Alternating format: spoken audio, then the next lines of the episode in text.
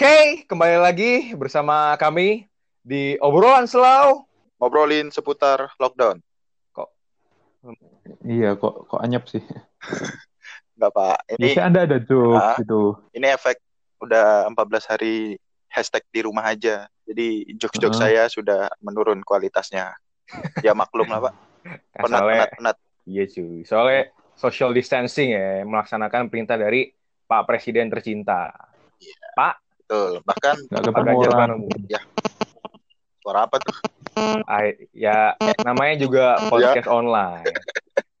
Jadi pod, eh, FJ Kayaknya FJI buat pendengar kami bahwa podcast ini dibuat secara online di rumah masing-masing dengan bantuan dari aplikasi Anchor. Terima kasih Ya. Anchor. Saya Rizky Oke. Tona ini eh, bersiar dari Tangerang ya. Oke, aku dari Ah. Bantul-Bantul. Oke, Saya dari Jaksel. Jaksel anjay. Singkatannya, Which is, which is, which is. Jak- which is Jekal Selatan. Jekal. Jekal. Oke. Oke, Jadi langsung ya. Oke, lanjut.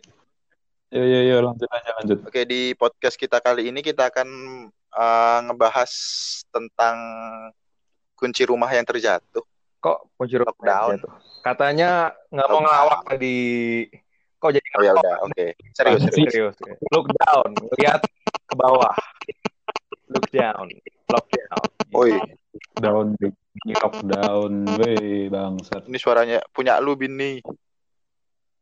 Emang iya? Iya. Aku ngapain? Udah kan, Yang ada tetetet tetetet tetetet tetetet.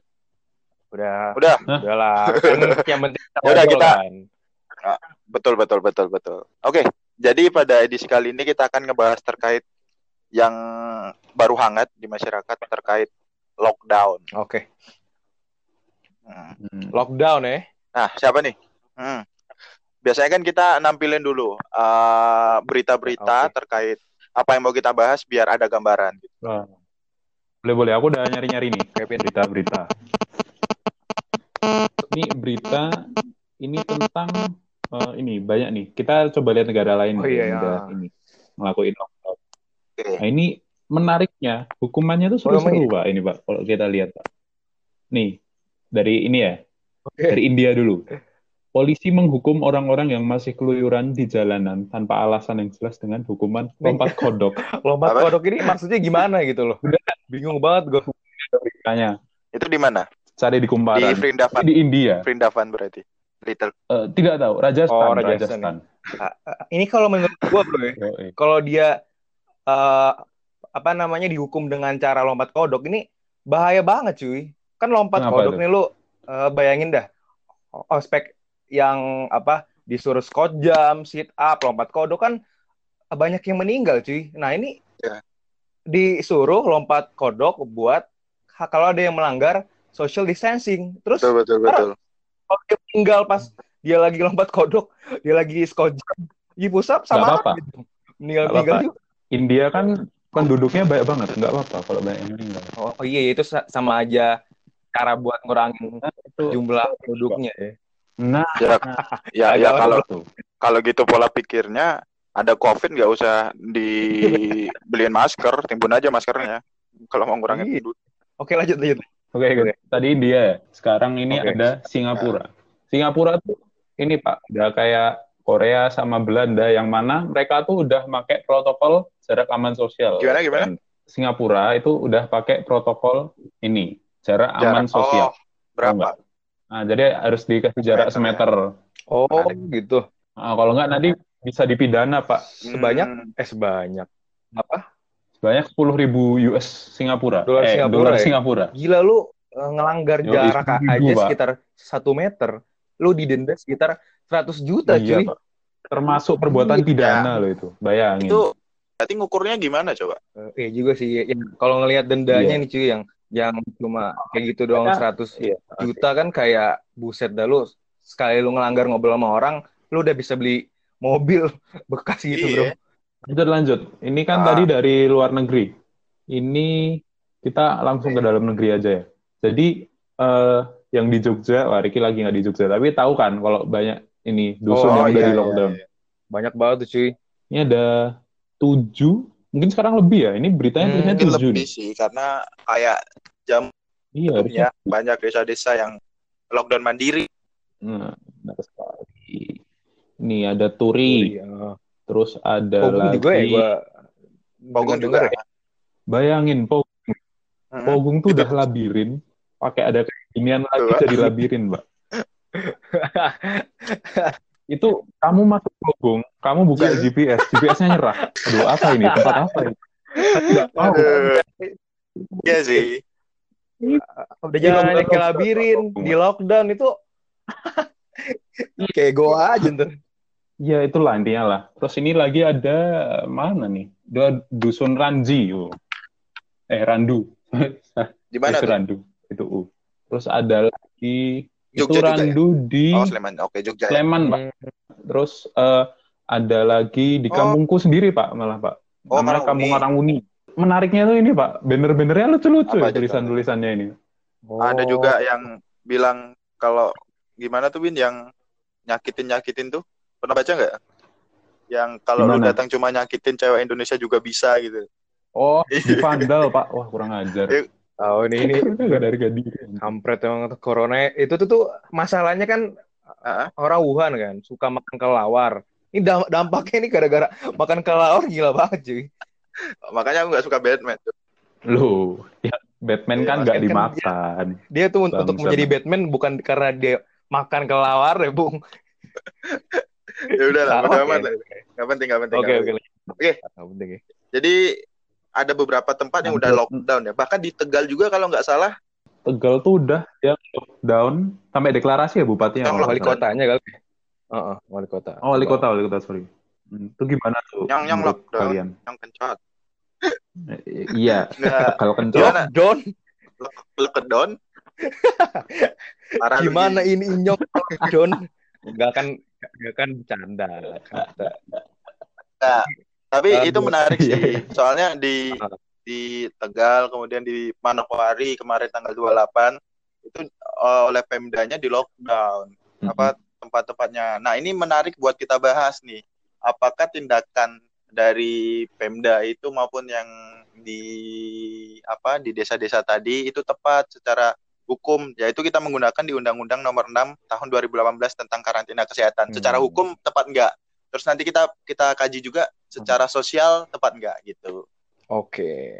Oke, langsung masuk aja mungkin Ki. Oke, ini sekarang ngomongin lockdown nih. Ya, social Paling distancing, lockdown. Iya, ini kan banyak banget kan nih kayak pengertian social distancing lah, Oke. lockdown lah. Nah, ini sekarang karantina wilayah. Karantina Iya. wilayah, Pak, sebenarnya. Hmm, Di dibahas kali ya. Oke, oke. Bahas pengertiannya mungkin. bahas aja sih. menurut eh, undang-undang positif yang berlaku. Nih ya, bro-bro. Kalau eh, menurut UU nomor 6 tahun 2018 tadi tentang karantina wilayah ini Oke. eh, social distancing nih bisa dikatakan sebagai pembatasan sosial Oke. yang berskala besar yang juga salah satu nih merupakan tindakan kekarantinaan kesehatan sebagaimana eh, dimaksudkan di UU ke karantinaan kesehatan ini. Oke. Ini eh, juga didefinisikan juga nih pembatas pembatasan sosial adalah pembatasan kegiatan tertentu penduduk dalam suatu wilayah yang diduga terinfeksi penyakit dan atau terkontaminasi sedemikian rupa untuk mencegah kemungkinan penyebaran penyakit atau terkontaminasi kontaminasi kayak kayak gitu Oke. sih. Nah, si pembatasan ter- Oh. apa namanya? Pembatasan sosial berskala besar ya kalau bahasa undang-undangnya ya.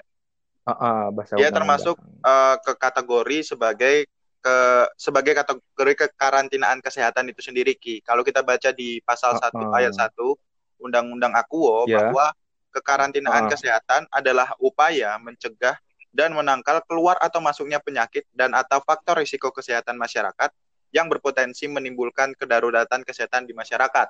Nah, kalau kita baca lagi di Oh, di pasal mau- 49-nya Ki, apa? itu kan ada- empat ya Ki ya, eh, terkait kekarantinaan Yoi. kesehatan ya. Oh, itu yang ke yang karantina wilayah, kemudian eh, pertama itu karantina rumah, kemudian rumah sakit, kemudian ada karantina wilayah sama pembatasan sosial berskala besar. Nah, yang disebutin sama Ricky tadi adalah terkait yang pembatasan sosial berskala besar. Itu Bin. Jadi Oh, oke Nah, oke oke. gimana, Pak? Tapi kan ini Pak, sebenarnya banyak istilah yang ini loh Pak, eh, di simpang siur gitu loh. Kan ada yang bilang lockdown, terus ada yang Ah. bilang karantina wilayah. Nah, kalau lockdown sendiri Oke. itu setauku tidak ada UU yang Ke- Iya sih. menjelaskan Aja, definisi Bung, lockdown, tadi. Pak. Mohon maaf. Kenapa lu Disconnect Oh, iya. lagi. disconnect lagi? Aduh, ini gara-gara COVID nih. Gara-gara Ya, COVID lanjut ya, Bin. Iya, Sampai Lanjut ya, mana? Bin. Bro, ini sampai Sebenarnya- mana? lanjut lanjut. Masih masih bahas yang tadi Ki. Sebenarnya kalau lockdown sendiri, Bin, itu lebih tepat kalau aku ya lihatnya itu lebih ke definisi yang di karantina wilayah. Yang kalau kita Oh, baca iya. di pasal 1 ayat 10 itu definisinya adalah pembatasan penduduk dalam suatu wilayah termasuk wilayah pintu masuk beserta isinya yang diduga terinfeksi penyakit dan atau terkontaminasi sedemikian rupa untuk mencegah ada penyebaran gitulah intinya. Oh, kalau menurutku kok malah aku ngiranya ya, aku ngiranya kok lockdown tuh kayak bukan pembatasan tapi Iya. emang penutupan penuh gitu loh. Kayak dikurung gitu. Hmm, Tapi kalau karantina wilayah kan pembatasan. Iya, sebenarnya kan bisa juga sih Bin ya. Oh. Kalau kita tahu Sirin bahwa dia nggak boleh keluar masuk, Hmm, itu sama aja kayak dikurung kan jatuhnya juga. Itu sih. Iya Kalau menurut lu sih, gimana Gue lagi? sepakat juga. ya bisa sih, bisa sih. Hmm, Iya, gue sepakat juga bro kalau misalkan lockdown ini di paling apa disamain sama karantina wilayah yang dimaksud sama uh, UU nomor 6 tahun 2018 ini kan? Ya soalnya kan emang dilihat dari latar belakangnya kan emang fungsi lockdown itu kan emang buat membatasi lah membatasi penduduk dalam satu wilayah biar nggak keluar masuk Benar, gitu loh.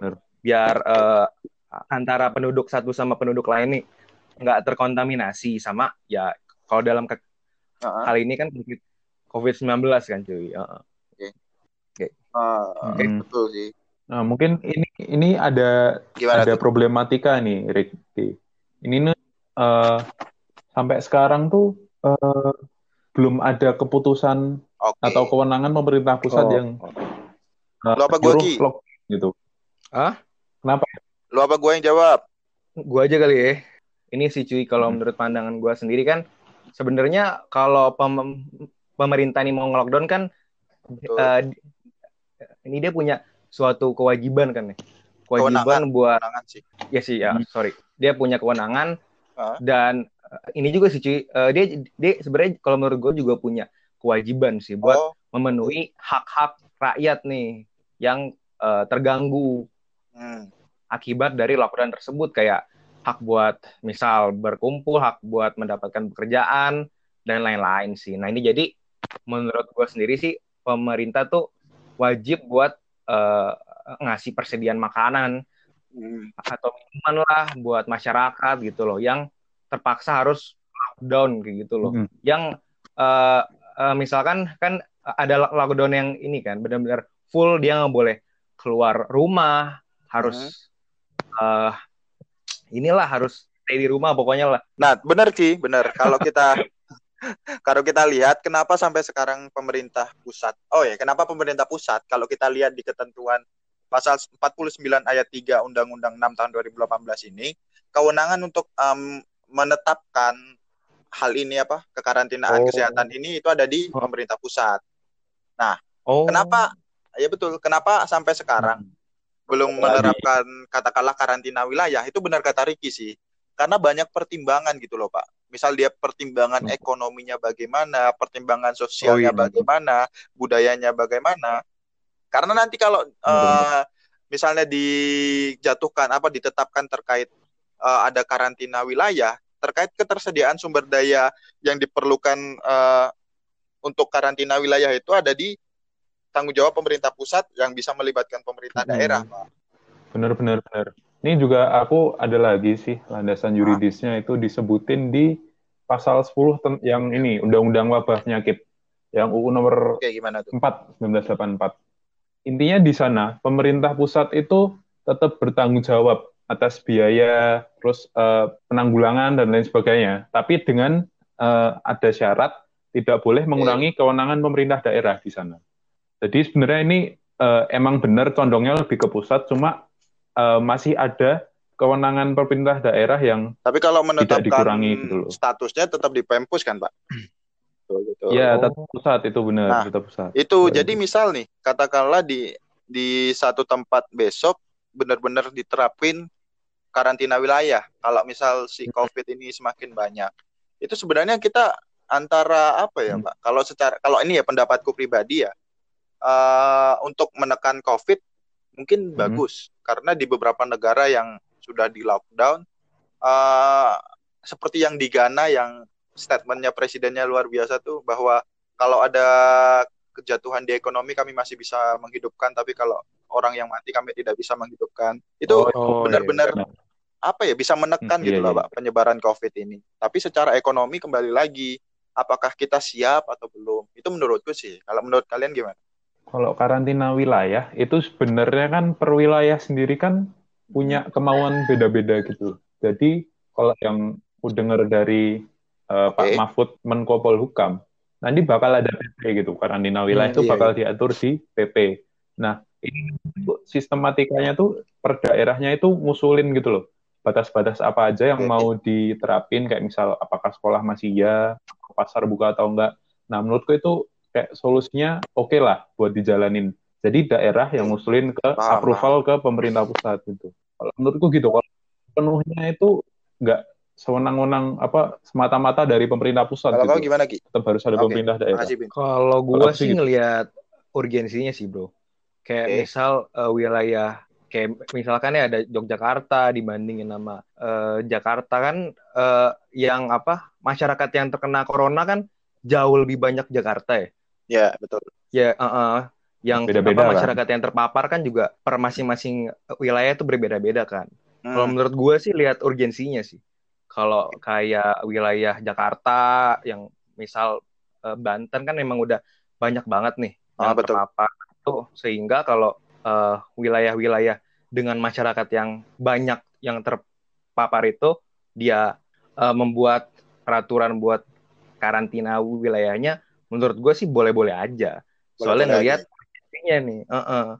urgensinya yang ya emang udah gede Lebih lihat ini ya ke arah kesehatannya, Uh-uh. kondisi kesehatan masyarakatnya gitu. gitu sih kalau gue sih ya.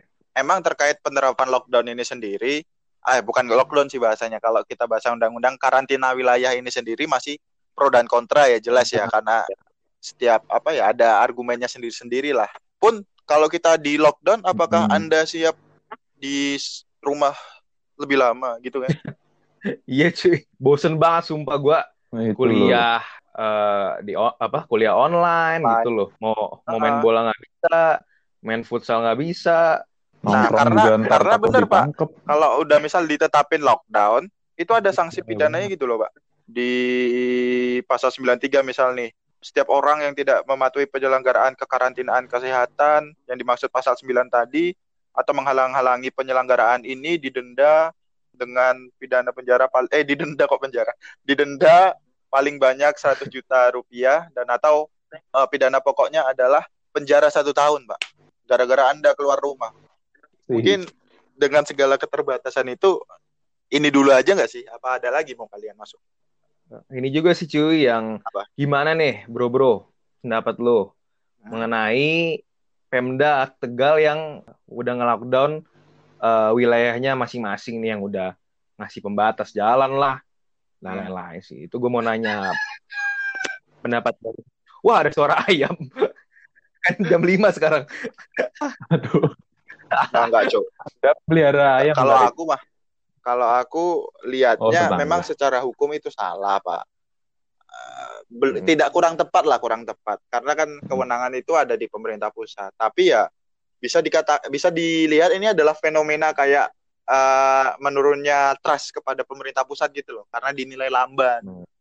Makanya di desa-desa sama Nah, itu. betul sama yang di Benar-benar masalah kepercayaan. Tegal. Itu sih. Tapi kan sebenarnya kalau ngomongin kapabilitas lebih ke Iya. pemerintah pusat nggak sih Pak? Oh, lebih oh, capable- emang udah jelas. apa, capable gitu loh. Meskipun trustnya lebih banyak ke pemerintah daerah, tapi kan gimana pun Iya, juga yang lebih capable kan pemerintah pusat. seharusnya gitu. kan yang berhak untuk netepin lockdown kan Pempus kan Iya. tapi masalahnya ini kok Gimana? ditetapin gimana ya Berarti aku coba simpulin dulu yang terakhir nih. Heeh. Jadi pada intinya kita kalau secara hukum itu kurang tepat ya kalau Pem, Pemda-Pemda ini menerapkan karantina wilayah mandiri-mandiri karena kewenangannya kan ada di menteri ya tadi ya. Dalam hal ini menteri kesehatan. Tapi kalau secara sosial mungkin ya. karena pemerintah daerah ini peduli atau gimana sama agar tidak ada korban-korban lagi, ya itu bisa dibenarkan sih kalau aku, Pak. Eh, Pak, tambahanku ya, kalau tambahanku sebagai penengah aja, sebenarnya pemerintah pusat sama daerah ya sama-sama berwenang lah. Cuma kan ada garis koordinasinya sendiri-sendiri. Kayak yang dibilang Prof Mahfud itu kan daerah yang mengusulkan, nanti pemerintah pusat betul, yang iya sini mengapprove lah. Ini gue juga secara garis besar sebagai sama Kevin, sih kan ada garis koordinasi antara Pempus dan Pemda kan. Oh ya. Uh, ini kan tapi masalahnya Pemda kan hmm. tahu yang benar-benar tahu gimana kondisi di wilayahnya masing-masing nggak sih? Kayak iya misalkan sih. di Tegal, betul, betul, Jakarta, betul. Gitu. Di Tegal. Mungkin kewenangan, iya betul. Uh -uh, di Tegal mungkin kewenangannya dia lihat kondisinya yang udah parah. Ya, dia mungkin udah ngelihat kondisinya yang udah parah gitu loh. Ini mohon maaf ya buat masyarakat Tegal ini cuma melihat Indonesia beragam gitu loh. Jadi kita pengen log logat Empati. Tegal, logat logat Bata juga bisa pula aku gitu gitulah. Okay. Uh, eh, logat apa ya.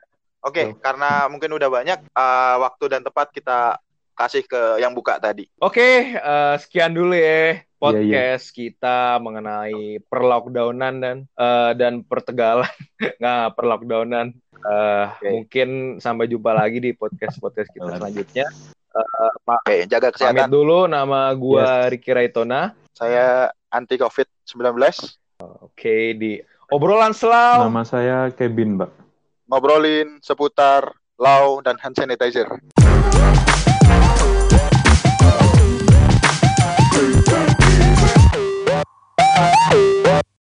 Oke, mungkin pantun dulu kali ya biar lebih cair. Sama kekasih nonton vampir. Habis itu pergi beli parfum. Terima kasih yang sudah mampir. Assalamualaikum. Selamat datang teman-teman di podcast pribadi saya, Tarik Hidayat Pangestu. Dan saya tidak akan mengklaim bahwa podcast ini adalah yang terbaik. Karena takutnya ria, gak baik di bulan Ramadan. Asik. Oke teman-teman, jadi ini adalah podcast pribadi saya. Kenapa pribadi? Karena Biasanya saya kalau bikin podcast itu bareng dua rekan saya bernama Kevin dan Ricky. Tapi karena persyaratan lomba kali ini harus individu Jadi ya mau nggak mau kita harus pecah kongsi untuk sementara waktu teman-teman. Ya meskipun ini berat karena sudah banyak sekali cerita, kenangan yang dilalui bareng dua rekan saya itu Tapi uang di atas segalanya, iya iya iya karena rencananya kalau saya menang lomba ini dua setengah persen akan saya zakatkan. Jadi buat panitia bisa agak dicatat. Oke teman-teman, lanjut aja ya. Jadi di podcast kali ini aku bakal nyampain keresahan-keresahanku dan bagaimana tips untuk ngakali keresahanku ini. Dan mungkin teman-teman bisa praktekin juga di kehidupannya teman-teman nih. Jadi keresahan pertamaku nih teman-teman gara-gara si COVID-19 ini adalah membuat membuat kehidupan atau kegiatanku sehari-hari ini sangatlah monoton teman-teman. Jadi setiap pagi aku bangun, kemudian kelas jam 7, kelas jam 9, kemudian jam 10 aku pasti berjemur. Oh, oh iya buat teman-teman jangan lupa berjemur karena menurut uh, FKKM KUGM dengan berjemur itu sangat baik untuk stimulasi pembentukan vitamin D, kemudian meningkatkan imunitas tubuh, kesehatan tulang, melancarkan peredaran darah dan lain sebagainya. Eh, dan waktu yang paling tepat untuk berjemur itu ya jam 10 dengan durasi 10 sampai 15 menit. Itu dicatat teman-teman biar kita sehat sama-sama. Nah, biasanya nih teman-teman, sembari berjemur aku selalu non sambil nonton nih, sambil nonton kartun favoritku sejak kecil yaitu SpongeBob SquarePants. Dulu pas aku kecil, alasanku suka SpongeBob ya karena menarik, menghibur, kemudian apa ya ceritanya cair, bikin ketawa dan sebagainya. Namun lama kelamaan semakin ke sini, apalagi sekarang aku udah kuliah, udah lebih uh, bisa mikir lah ya dalam tanda kutip. Aku menemukan kenapa aku masih suka SpongeBob sampai sekarang, yaitu karena SpongeBob SquarePants itu sangat relate bagi kehidupan kita teman-teman. Kenapa gitu? Karena gini teman-teman Dulu pas kecil kita selalu ketawa, ceria, beban hidup, beban kuliah, beban organisasi masih nggak ada lah katakanlah. Jadi kita selalu ceria ketawa seneng gitu kan. Itu persis banget kayak karakternya SpongeBob gitu loh yang ya teman-teman tahu sendiri lah. Sampai akhirnya semakin ke sini uh, mulai di fase quarter life crisis kata orang-orang itu kita lebih cocok dan lebih deket jadi karakternya Squidward yang bodoh amat, kemudian mageran dan sebagainya. Bahkan gara-gara si COVID-19 ini teman-teman, tingkat kemageranku itu bertambah berkali-kali lipat. Bahkan nih ya, kemarin kaki kananku gatel, gak aku garuk teman-teman, aku diemin karena saking magernya. Udahlah gatel lah, udah biarlah jauh banget nih kayak dari jarak dari tangan kanan sampai ke kaki kanan tuh kayak jauh banget. Ya ini gara-gara mager gitu loh. Kita kayak Squidward banget gitu loh. Tapi ya itu memang hanya di saat-saat tertentu. Squidward juga di saat-saat tertentu juga produktif bermain klarinet dan sebagainya. Nah, selain relate sama kehidupan, ada beberapa adegan di SpongeBob SquarePants yang menurutku cringe banget gitu loh dan aku nggak suka banget. Yaitu ketika adegan plankton, tahu plankton kan? Ya aku juga nggak bisa dengar sih jawaban teman-teman. Plankton berinteraksi dengan Karen, istri komputernya. Menurutku orang ini Hmm, plankton bukan orang sih. Menurutku si organisme mikroskopis ini itu aneh banget gitu loh. Dia masa ngobrol, uh, pacaran, kemudian nikah sama komputer. Dan keanehan ini berlanjut sampai pada akhirnya COVID menyerang. Karena kegiatanku sehari-hari itu persis kayak plankton, yaitu ngobrol sama komputer. Aku takutnya nih ya, takutnya kalau si COVID ini nggak hilang-hilang karena beberapa survei, eh, bukan survei sih, penelitian kayak yang dari UGM bilang kalau nggak ada vaksin ini bisa dari dua, sampai 2022 dan masih lama kan tentunya. Aku takutnya ini keterusan teman-teman. Sekarang aku udah ngobrol sama komputer, takutnya besok pacaran kemudian nikah juga sama komputer. Dan ini nggak enak gitu loh, bikin instastorynya gimana, kemudian pesta pernikahannya gimana, dan itu menjadi beban pikiranku saat ini. Masa nih ya pas ijab kabul besok katakanlah saya nikahkan Tarik Hidayat Pangestu dengan Asus padahal aku lebih sayang sama MacBook. Itu kan berabe gitu loh teman-teman. Ya aku berharap semoga Covid ini ya segera berakhir.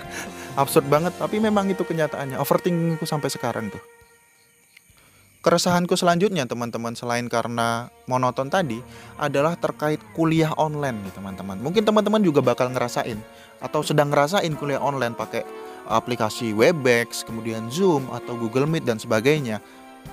Karena kuliah online ini teman-teman bikin dosen itu dan mahasiswa kayak sering miskomunikasi gitu loh dan dosen akan jauh lebih tidak konsisten. Contohnya adalah gini, mungkin teman-teman juga pernah ngalamin ketika dosen baru mulai kuliah kita disuruh unmute dan keadaan-keadaan tertentu juga suruh unmute. Tapi ketika habis dia nyuruh unmute, tiba-tiba suruh jawab pertanyaan. Maksudku kan kita sebagai mahasiswa ini keresahan saya kami ya Bapak Ibu dosen. Sebagai mahasiswa kita juga butuh mikir satu. Yang kedua juga butuh proses untuk mengunmute sepersekian detik itu. Jadi nggak bisa langsung jawab. Jangan tiba-tiba bilang, oh tidak ada yang mendengarkan saya. Dan itu sering terjadi teman-teman. Dan gara-gara itu karena ketidakkonsistenan itu aku percaya bahwa ada yang lebih tidak konsisten daripada data pasien positif corona antara pemerintah pusat BNPB dan pemerintah daerah. Gokil. Kemudian itu kritik dikit nggak apa-apa kan? Kemudian nih teman-teman tapi ada beberapa uh, keseruan gitu loh kuliah online itu sendiri. Uh, seperti salah satunya itu ada suara-suara liar gitu teman-teman. Suara-suara aneh jadi pernah nih kita kuliah ada backsound susu murni nasional. Tahu kan yang susu murni nasional? Itu benar benar-benar ada gitu loh di kuliahku kemarin. Jadi uh, dosenku baru nerangin nih uh, perdata kemarin. Berdasarkan ketentuan KUH Perdata pasal 1320 ada empat syarat sahnya perjanjian. Yang pertama adanya kesepakatan, adanya kecakapan, kemudian adanya objek dan keempat adanya susu murni nasional siapa ini? Siapa? Gitu. Maksudku itu benar-benar terjadi gitu loh. Dan nggak ada yang ngaku tapi itu bisa buat hiburan tersendiri sih kalau aku ya. Jadi empat syarat perjanjian tadi bisa dicatat sama teman-teman. Yang keempat susu murni nasional. Harus ada dalam suatu perjanjian. Kemudian pernah juga ada kejadian pas kuliah online itu ada backsound suara suara ini. Uh, teman-teman tahu lagu Separuh Nafas dari Dewa 19? Tahu kan? Jadi pas kejadiannya kala itu, pas dosennya baru diam tuh. Habis uh, nerangin, kemudian mau ganti slide, ganti PPT, baru diam. Terus ada suara tenenenene titik tak titik. Terus dosennya langsung, e, tolong ya, jangan main-main sama saya. Siapa nih tadi yang bikin? Siapa yang siapa yang nyetel lagu Dewa 19 yang separuh separuh nafas? Semua diam kan takut gitu. Aduh, ini dosen killer lagi ya Allah siapa nih uh, tolong ya abis ini jangan nyetel-nyetel kayak gitu lagi separuh nafasnya Dewa 19 coba yang Kirana atau Restu Bumi. Dan semua diem gitu ternyata dosenku lebih suka Dewa 19 era Ari Lasso. Tapi itu sedikit cerita. Dan ya benar-benar di stylin Kirana Restu Bumi jadi bahagia asik.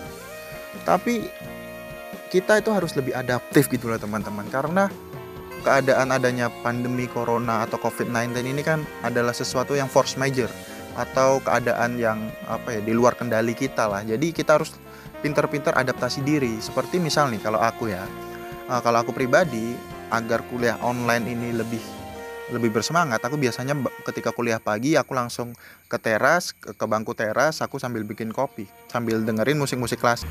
Iya musik-musik klasik gitu, sambil dengerin musik-musik klasik. Kemudian jadi kuliahnya semakin santai kemudian aku mungkin juga bakal bagi tips buat teman-teman selama uh, work from home dan study from home ini yaitu teman-teman harus tetap bugar seperti saya mungkin meskipun nggak bisa keluar rumah tapi setiap pagi saya di halaman stretching stretching ringan lari-lari ringan kemudian push up sit up dan sebagainya atau kalau teman-teman merasa itu berat bisa teman-teman download aplikasi TikTok karena di TikTok itu kita harus dipaksa bergerak gitu loh. Meskipun lagunya hanya bagaikan langit yang gerak cuma mulut, tapi itu seenggaknya kita bergerak gitu loh teman-teman. Sehingga kondisi kita tetap bugar. Jadi ya itu baik gitu loh untuk kesehatan kita. Semangat teman-teman, sukses. I.